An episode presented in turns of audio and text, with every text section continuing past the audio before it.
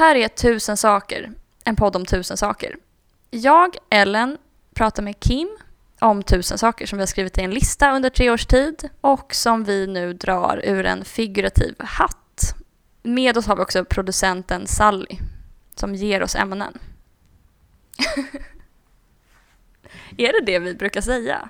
Det kändes så sjukt och fel. Just det, vi har fått strikta instruktioner nu av Sally att vi eh, måste prata av oss i början för, så att vi, citat, ska hålla oss till de jävla ämnena. Så nu får ni dyka in mitt i en konversation som pågår mellan mig och Kim. Blue Snowflake låter som något sånt här, alltså kille-sexord. Vad, vad, vad är det för kille-sexord du tänker Men jag tänker på? så här, blue balls, blue snowflake. Just det kanske är om en tjej inte får ligga. Det låter lite, nej men det är lite Manic Pixie Dream Girl-versionen av Blue Balls. Det är Blue Snowflake. Nej, vänta, det är inte sexuellt. Det är någon som så himla gärna vill bli acknowledged för att de har ett unikt intresse. Typ killar som sysslar med klättring och så vill de prata om det och så bryr man sig inte. Och då får de som blue balls fast för sitt intresse. Vore inte det perfekta om man träffar en sån vanlifer-person och så styr man aldrig in ämnet på vart man bor eller resor. Ja, just det. Man pratar om allt annat än så. Surfa, primus, gasolkök. Snöflinga är ju, men det är väl eh, ett annat ord för typ att vara en libtard. Eller att man är så här Precis. känslig, börjar gråta typ om någon säger eh, funktionsnedsatt istället för funktionsvarierad. Då är man en snöflinga. Om det är, om man är en sån libtard som också har blue balls, då är man en blue snowflake. Nej, nej, nej, alltså man är en libtard som inte har fått säga. Alltså ingen har försagt sig och sagt Ah, eh, ja. funktionsnedsatt. Man bara sitter och väntar på att få säga funktionsvariation. Ja, exakt. Så man, man, håller, man får liksom mentala blue balls. Just det. Men tillbaka till, eh, eh, tillbaka till goa i förbifarten våldtäkter. Ja, Nej men jag har ju sett, jag, jag har inte skrivit någon manus idag för att jag har halkat in i HBOs The Great som handlar om Catherine the Great. Men där, alltså det är förvånansvärt mycket liksom våldtäkt i förbifarten scener. Det är också mycket att de så här typ dödar barn och sånt. Nej, det här det är ju verkligen min värsta genre. Våldtäkt i förbifarten filmer. Och sen sa du, så är det lite mord och så också. Sa du det? Ja. Ja, det brukar hänga ihop nämligen. Men då är det en genre som jag skulle vilja kalla för förtäckt melodram. Som går ut på att man, eh, är, det är så dåligt gestaltat att man använder dramatiska händelser som substitut för gestaltning. För att då är det så himla, det är så en genväg till att väcka känslor så att folk kan lätt luras att tro att de har varit med om något väldigt, en väldigt stark konstnärlig upplevelse, att de har sett jättebra konst för att de är så skakade i grunden. Men det är klart att man är det om man har sett någon bli våldtagen. Det är en sån klassisk liksom eh, första, alltså jag har ju hållit på med kortfilm för typ tio år sedan eh, och har varit på väldigt många sådana här ungfilmfestivaler och allas första film, inklusive min egen, är ju någon som dör. Vad heter han? Nej, en av världens mest berömda regissörer. Hjälp mig. Tarantino. Ja, Tarantino. Det är ju lite på gränsen. Är inte det lite så att man tar starka scener, starka händelser istället för stark framställning? Men jag tror att han har sagt det själv, att så här, för någon bara, du är alltid så mycket mord och våldtäkter i dina filmer. Han bara, det är Tarantino-filmer. De, det är deras kännetecken. Mm. Jag tänker också Ett litet liv av eh, Hanya Yangihara, eller vad heter han? Och eh, jag får upp till mor och ner till bror och hem.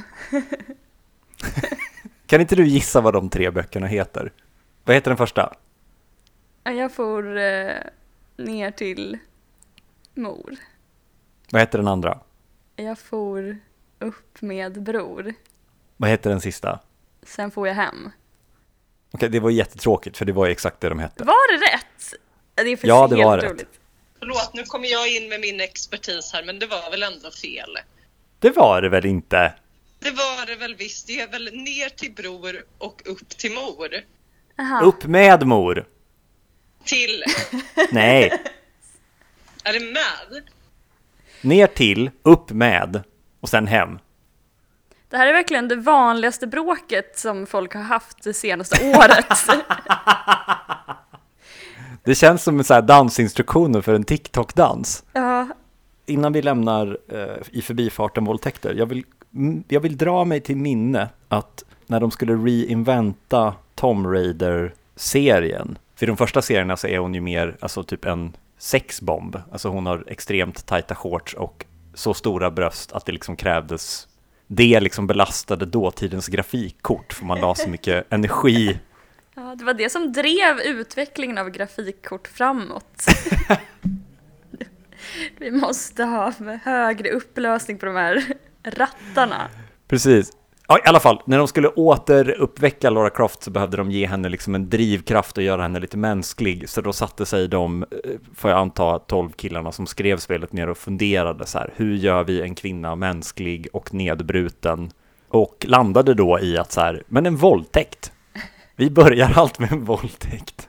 Hur många datanördar krävs det för att komma på en kvinnlig drivkraft? Vad vill tjejer göra?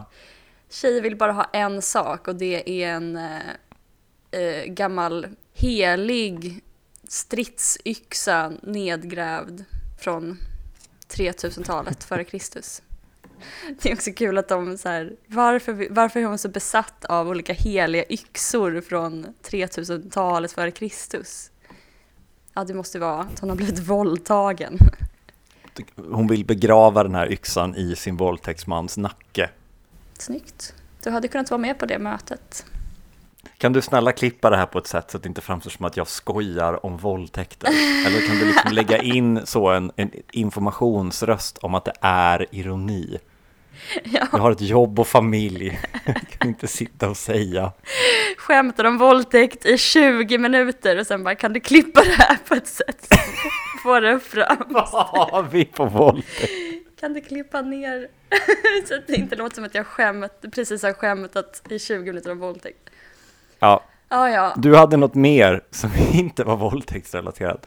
Nej men det var bara mina betraktelser, alltså nu har ju du kanske redan hört mycket av det här, men hur det är att vara singel. Jag vet inte om du minns, eh, minns du hur det är att vara singel? Eh, väldigt vagt. Jag kommer ihåg att jag åt mat, jag, jag slog ihop när jag hade liksom tillagat min maträtt så hällde jag tillbaka allt i kastrullen och så åt jag från kastrullen.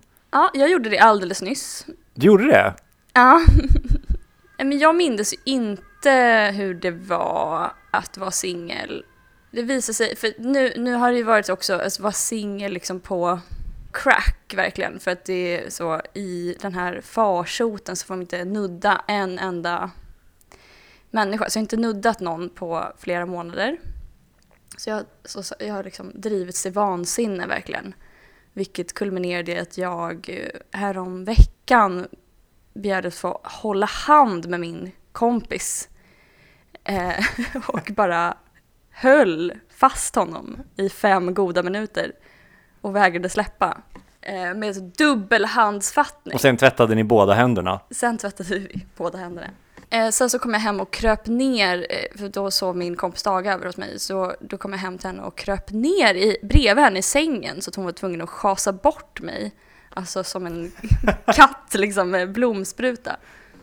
Nej men det är bara, det är bara väldigt, eh, väldigt speciellt att återuppleva att vara singel för att det visar sig att ingenting har förändrats sedan jag var 20. Eh, att jag har liksom samma gamla mobbade personlighet igen som jag hade glömt att jag hade. Har den filtrerats genom att du har haft en pojkvän eller har du inte Jag har inte utsatt dig för behövt- sådana situationer? Nej men precis, jag har inte behövt exponeras för min egen eh, mobbade personlighet. Det har väl liksom varit en dimridå av att jag har en eh, cool, snygg pojkvän. Så gjort mig förvirrad. Jag har liksom levt i en skenvärld av knasiga idéer. Först träffar de dig och så bara, vad i, och sen träffar de ditt ex då och bara, fast hon är ändå, hon, hon är ändå ihop, ja de är ändå ihop. Nej, jag måste ha fått ett dåligt första intryck. Ja, precis. På, de, på den tiden, jag kanske bara borde fortsatt vara ihop med honom så hade jag kunnat ragga mycket lättare. Vad Du kanske skulle byta ut din eh, Tinderbild till en bild på ditt ex. Det här är min standard. Exakt. Ungefär såna här killar brukar gilla mig. Känner du igen? Är det här du? Kanske bara kan ha ett galleri av dina ex, där de är som, som snyggast, och så i sista bilden så är det liksom bild på dig? Frågetecken. Ja. Det är väldigt speciellt också. Jag har, den typen av killar som gillar mig. Jag, jag vet inte, det är inte säkert att det, är, att det bara har att göra med mig, men det kan också vara bara en statistisk, liksom, ett genomsnitt av alla killar. Men de som har visat intresse för mig är tre olika typer av män. Och det första är folk som i princip ligger för döden. Eh, som Alltså till exempel så var det en på biblioteket, någon så här närmare 90-årig pytteliten arabisk man som bara rakt av kysste mig mitt på munnen. För att han blev så, blev så tacksam över att jag hjälpte honom skriva ut några papper. Och sen, ja, den andra kategorin är fullkomligt bindgalna dårar. Till exempel så var det en eh, skallig liten pundare med downs som bara följde efter mig. Ellen! Här, ja. Du klipper dig själv sen. Ja. ja, men då undrar man vad det är frågan om. Nej, men sen den, den sista kategorin är, är nästan den värsta, för det är ju killar som är intresserade av populärvetenskap och infotainment.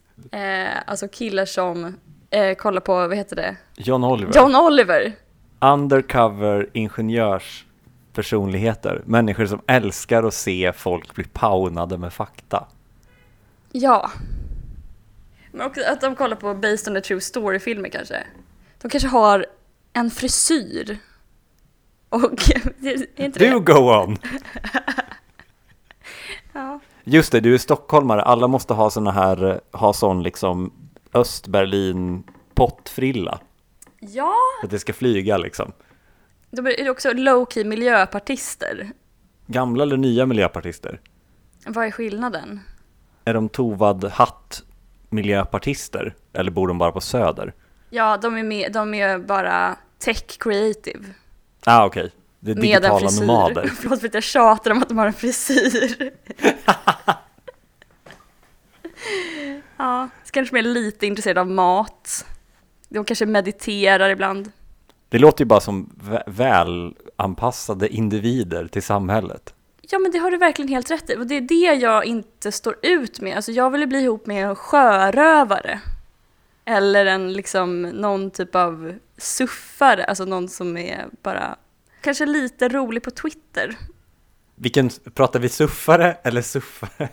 Vad heter de? Syn- Syndikalistiska ungdomsförbundet.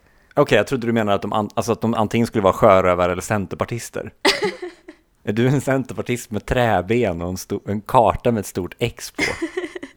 Nu är det på den, alltså nu går jag ju runt och blir kär i folks ryggtavlor på stan.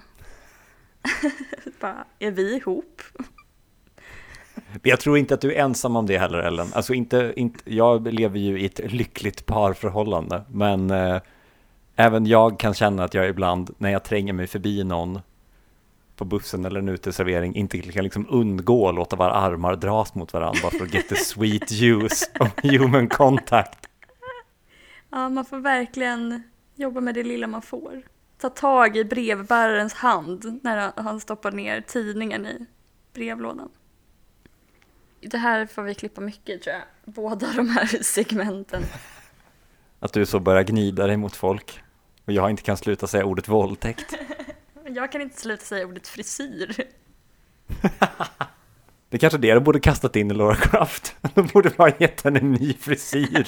Spelutvecklarna köper rättigheterna till Tomb Raider, drar sig tillbaka i någon sån programmerad dungeon i 3-4 år, kommer tillbaka. Laura Croft har fått slingor.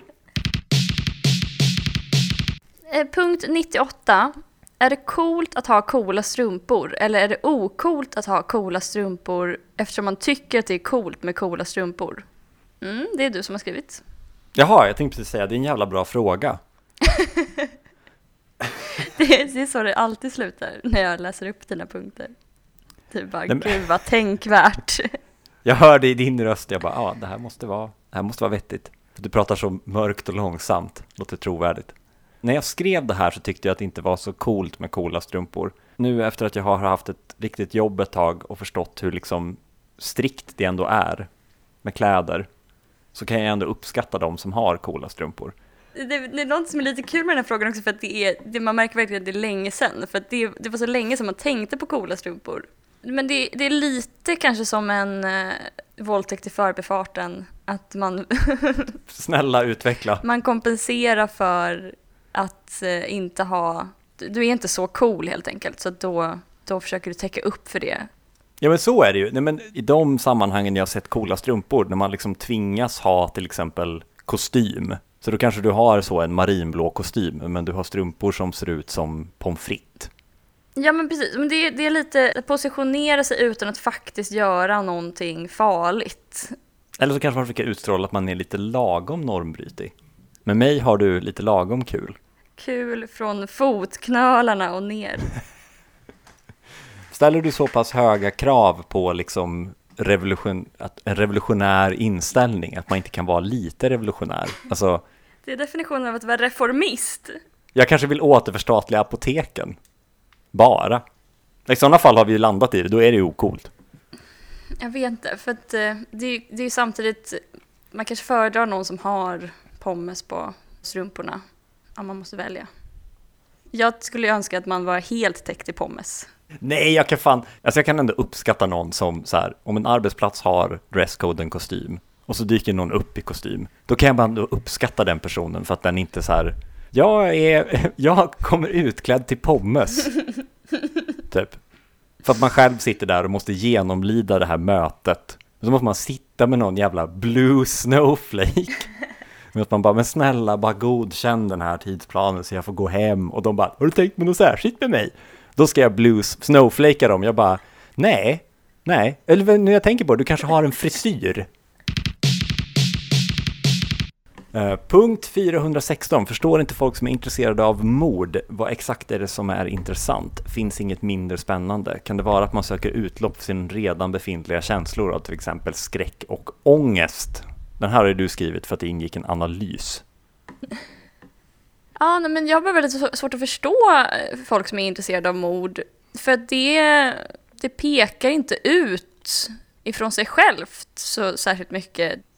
Men det är det som också gör att folk tycker att det är enkelt. Det är så lätt att avfärda det som någonting sjukt bara. Och något som man inte behöver tänka mer på. Det är dumt med mord.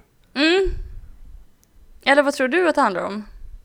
Jo men ex- alltså verkligen det. Sen eh, kan jag väl tycka också att det snarare indikerar att man ger efter för drifter man inte borde ge efter. Människor som liksom konsumerar så poddar där de liksom läser upp förundersökningsprotokoll som beskriver liksom lemlästade kroppar typ. Mm. Det är verkligen min bestämda uppfattning att mordpoddar är en form av porrpoddar.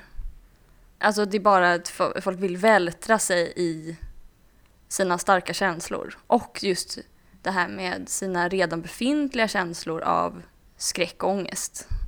Att man får en, liksom, en ventil då. För att man kanske redan går runt och oroar sig när det är mörkt och så här man eh, går runt med så nycklarna i handen och då men sen får man aldrig utlopp för det, för det i vardagen. Så att eh, då behöver man någonstans få bekräftat hur farlig världen är och hur, hur rätt man har som är så ängslig. Jag tycker bara, alltså en passus om mordpoddar, vi, vi la ju upp eh, avsnitt, jag tror det är avsnitt två eller något, så står det ju i ehm, beskrivningen att två sömnpiller drar, eh, drar saker ur en figurativ röv. Mm. Det har ju du skrivit då. Och eh, det har eh, Spotify censurerat. Okej. Är det här en intervention?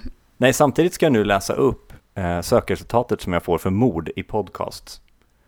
Eh, mordpodden, vad blir det för mord? Svenska mord, värsta morden, svenska mordhistorier, mördarpodden, olösta mord, mord mot mord, mord och mysterier, mordutredarna, mord och mysteriepodden, mordlust, två ägg, ett mord.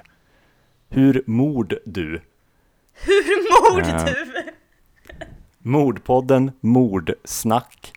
Marcus med morden. Men hur många mord finns det? Men de, de gräver väl i samma mord, bara på olika vinklar liksom. Det kommer ju säkert komma så här, alltså, vad heter det, modemorden, där de typ går igenom vad folk hade på sig. Ja, min fråga är hur mord de? Nej, det jag ville säga med det här är bara att det är ju ett, ett socialt accepterat sätt att vara fascinerad av mord. Jag läste eh, Liv Strömquist, Den rödaste rosen slår ut och första serien där är typ 100 sidor lång och handlar om varför det inte finns någon kärlek i den senkapitalistiska världen. Och då landar hon i att vi, en av anledningarna är att vi inte kan hantera slut, för vi kan inte hantera döden, för döden har ingen plats i ett kapitalistiskt system, för att syftet med ett kapitalistiskt system är att det alltid ska pågå och utvecklas och, och liksom evig tillväxt. Och om folk då lägger sig ner och dör, att det någonsin tar slut, då finns det ju ingen poäng med att köpa, liksom, måla om eller köpa nya saker eller gå till jobbet, liksom, om du ändå ska dö någon gång. Men om du då har en idé om att allting är evigt, att du bara bygger på, bygger på, bygger på, liksom, då kan du ju ägna ett helt liv åt att samla pengar, för att det kommer ju aldrig ta slut, du kommer bara få mer och mer pengar. Um, och det kanske blir konsekvensen då, att vi, vi måste förtrycka liksom ehm, döden så djupt inne. Och så har liksom mordpoddarna hittat det här och börjat tappa in. Liksom. Så vi kan titta på mord och, och döden i en, ko- i en kontrollerad miljö och ta del av den för att ändå få vårt sug och vårt intresse efter att, att veta mer om döden eller beröra ämnet döden. Det är bara att vi kan göra det i ett 40 minuters format från Radio Play med the occasional 10 minuters break för att prata om billeasing för att inte få total panik. Liksom. För att om jag ändå ska leasa en bil efter den här podden, då kan jag ju inte dö. Fan, jag undrar om inte det är reklamavbrotten i mordpoddarna som gör att de är så omtyckta. När allt återgår till det normala, att man eh, liksom ruskas om bara. Ja, just det, jag är hemma. Eller då? Nej men det är liksom, en dag tar allt slut. Kerstin Nicolai sig bredvid sin man, Jörgen, men vaknade bredvid ingenting. Du-du-du-du-dun, Lendo, Lendo, Lendo. Alltså, det, det, då behöver man inte, man behöver inte tänka mer på att Jörgen inte finns längre. Första bandet av Min kamp börjar på ett väldigt roligt sätt. Jag vet inte om jag kan återge det på ett så bra sätt, men att vi gömmer undan döda kroppar. Så fort någon dör så måste det ner i underjorden. Vi måste så här ha från sjukhussängen ner i bårhuset som är under marken och sen in i någon så här frys. Varför kan man inte låta en död människa eller varför kan man inte låta liksom massa döda människor ligga på gatorna liksom helt exponerade? Så fort någon dör så är det direkt så här ah, locket på. Så att ingen ska få veta att vi alla ska dö. ja, det är verkligen en inte så väl bevarad hemlighet, men som alla ändå försöker varje dag bevara. Jag vet inte vad det var Liv Strömquist sa då om kärlek och döden, men i, under barocken så var det så liksom, alltså intresset för döden har hängt ihop med så här, intresset för livet historiskt, tror jag. Och eh, liksom eh, carpe diem. Att så här, å ena sidan minns att du är dödlig och å andra sidan njut av livet. Typ. Och det, så det har liksom hängt ihop med en lite så här, vad heter det, hedonistisk syn på sex till exempel. Och att man ska uppgå i, nu, i liksom sina känslor och i nuet och i kärleken kanske. Men, det, men det här intresse, stora intresset för mord, att det finns en uppsjö av mordpoddar måste ju komma någonstans ifrån den här fascinationen för den förbjudna döden. Om vi lät våra döda ligga liksom på gatorna i högar, då kanske det inte hade funnits så många mordpoddar. Jag tänkte min lösning var att man skulle chocka folk med mord. Alltså att man helt okontrollerat utsätter folk för mord. Överraskningsmörda folk. Nej, inte att folk måste dö, utan man bara utsätter dem för mord i tid och otid. Hur menar du att man skulle utsätta folk för mord i tid och otid? Man låter dem bo i Malm! Skoja. Nej, men eh, då och då stoppar man in en mordpodd, givetvis. Men det får inte vara någon reklamavbrott. Och det handlar inte så om liksom, detaljer om blodiga trosor, som jag vet att det är era äckliga jävla mordpoddar. Utan det är en beskrivning av dödsförloppet. Först slutar syretillförseln till hjärnan. Mm, en mer nykter medicinsk beskrivning. Precis, och sen kanske man bara kan ha så sådana blinkande reklamskyltar på stan bara kanske kan ersättas med en svart ruta med vit text. Jag tror du ska dö då och då. Oförberett. För att liksom hela tiden, ja, folkbilda. Kan man tänka sig då att man byter ut alla modpoddar till så här beskrivningar av folk som dör en naturlig död på ett äldreboende? Det är julafton 2019 skulle Armin byta gardiner. Han tog en pall som han alltid har tagit. Men den här gången vinglade pallen under fötterna på honom. Han ramlade och bröt lårbenshalsen. Inte så dramatiskt om det inte vore för att Armin, ja han var 92. Och ett sånt benbrott kan ge komplikationer som kan leda till följdsjukdomar. Kanske om man beskriver så alla nyanser av likblekhet. Sjörapporten-style. Mm. Tårna. Vitgrå. Ja men kanske att man tar, hämtar olika metaforer från naturen och så här. Sen började det dra mot eh, en mer syrenaktig lila gråblå. Vaderna ser ut som björkar med blodansamlingarna ytterst. Punkt 761. Har vi tackat coola tjejer? Om jag ska ge ett enda livsstilsråd så är det att ta rygg på coola tjejer. De leder en alltid rätt. Och då tänk, jag tänker på folk som Anna Kachian och Dasha Nekraskova i Red Scare. Eller Moa Romanova och Shitkid. Eller Liv Strömquist och Caroline Ringskog Fredanoli. Men kanske att det som förenar dem är att deras lojalitet är mot sitt verk och sin intellektuella frihet. Och de får gärna vara, tycker jag, skrävlande vulgära kufar. Det, är för övrigt min enda tydliga utopiska vision, eller min bild av en utopi, att det ska finnas fler kvinnliga kufar. Ja men gud ja, det vore väl underbart. Ja, för det enda som finns nu är ju den töntiga kusinen till kuf som är kvinnliga enigman. Att man är så en gåta. Vad tänker hon på? Ja, ja. Men sen Gillian Flynn lanserade begreppet cool girl så har en odelat negativ bild spridits av att äta pizza och spela tv-spel, vilket jag måste medge ställer till det för mig personligen. Cool girlen beskrivs som någon som internaliserat manligt begär på gränsen till självutplåning och som snusar och flabbar åt råheter bara för att hon lider av Stockholmssyndrom. syndrom. Jag tror att Gillian Flynn har blandat ihop att vara cool med att vara snygg. Att vara snygg är, som vi alla vet, förhatligt och oförlåtligt. Eh, men grejen är att man kan göra vad som helst, eller vara hur som helst, och det kommer alltid vara problematiskt om man har mage att vara snygg under tiden man gör det. Med andra ord så är det inte att spela tv-spel som är problemet, utan att vara snygg medan man spelar tv-spel. Och det måste väl ändå vara ett större problem att vara snygg och samtidigt äta groddar och ha god munhygien.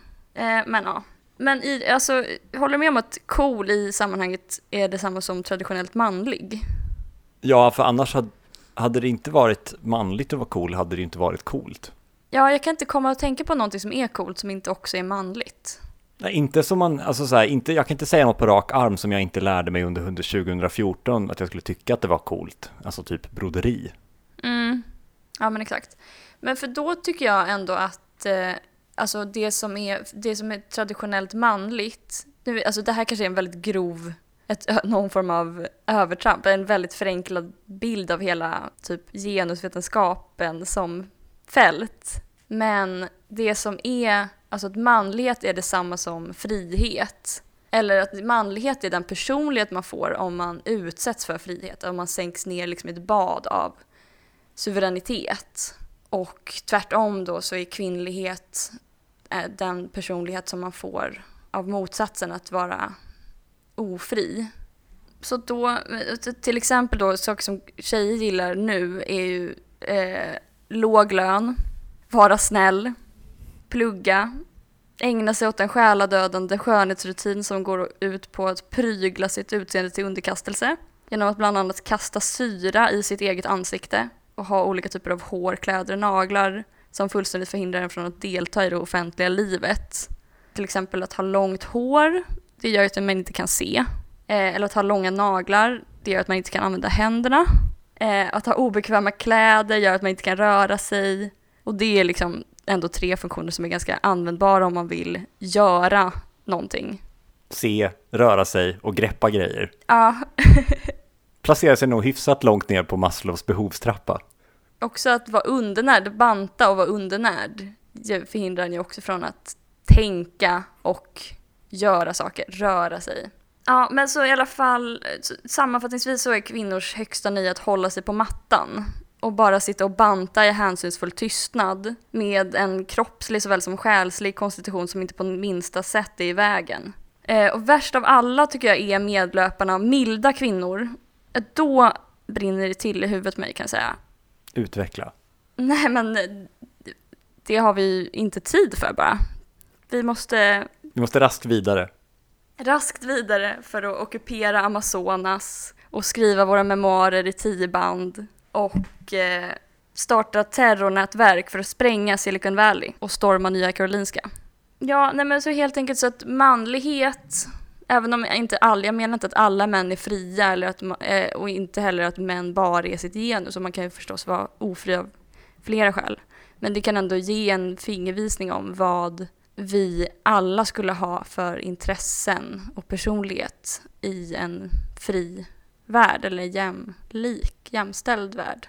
Ja, så att då, då tycker jag ändå att coolgirlen är någon som inte kanske nödvändigtvis är fri, men antingen så är det någon som är fri, men, e, eller så är det bara någon som praktiserar frihet. Och det tycker jag bara det är hedervärt, för att det, man sätter ju någonting på spel genom att inte spela med i sin könsroll. Eh, sen tycker jag dessutom att Coolgard bara beskriver ett förhållningssätt till den privata sfären, även känd som den irrelevanta sfären. och, eh, och kanske att det är samma sak som att bara skita högaktningsfullt i den privata sfären. Man har helt enkelt andra saker för sig än att framhäva sina ben. Mm, det var det jag hade.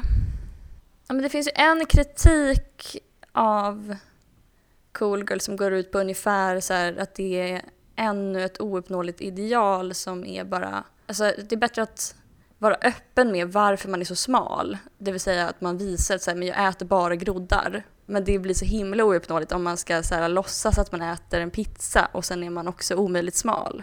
Men jag vet inte om jag håller med om att det är det som är, alltså, för då är ju problemet att man är smal, inte att man äter pizza.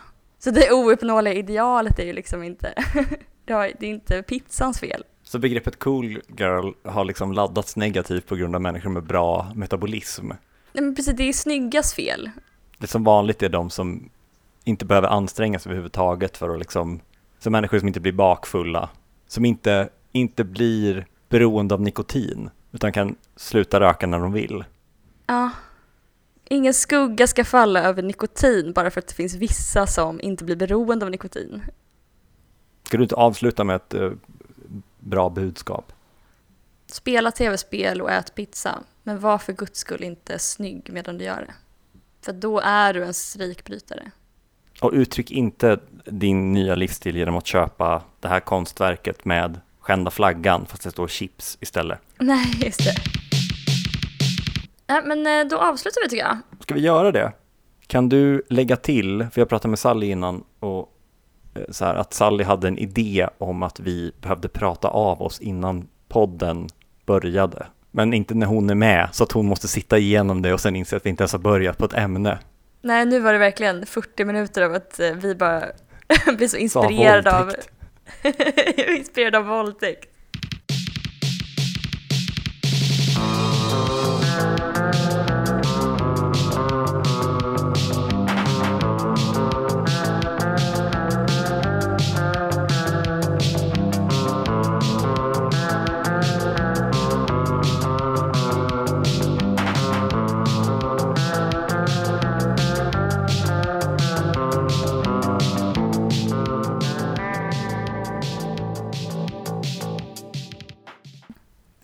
Woo! Figurativa kalsonger slängs upp på den digitala scenen. Nej, Mm. förlåt, män kommer och stryker sig mot dig. Du visar din ryggtavla på ett eh, sensuellt sätt. så att jag tror att vi är ihop.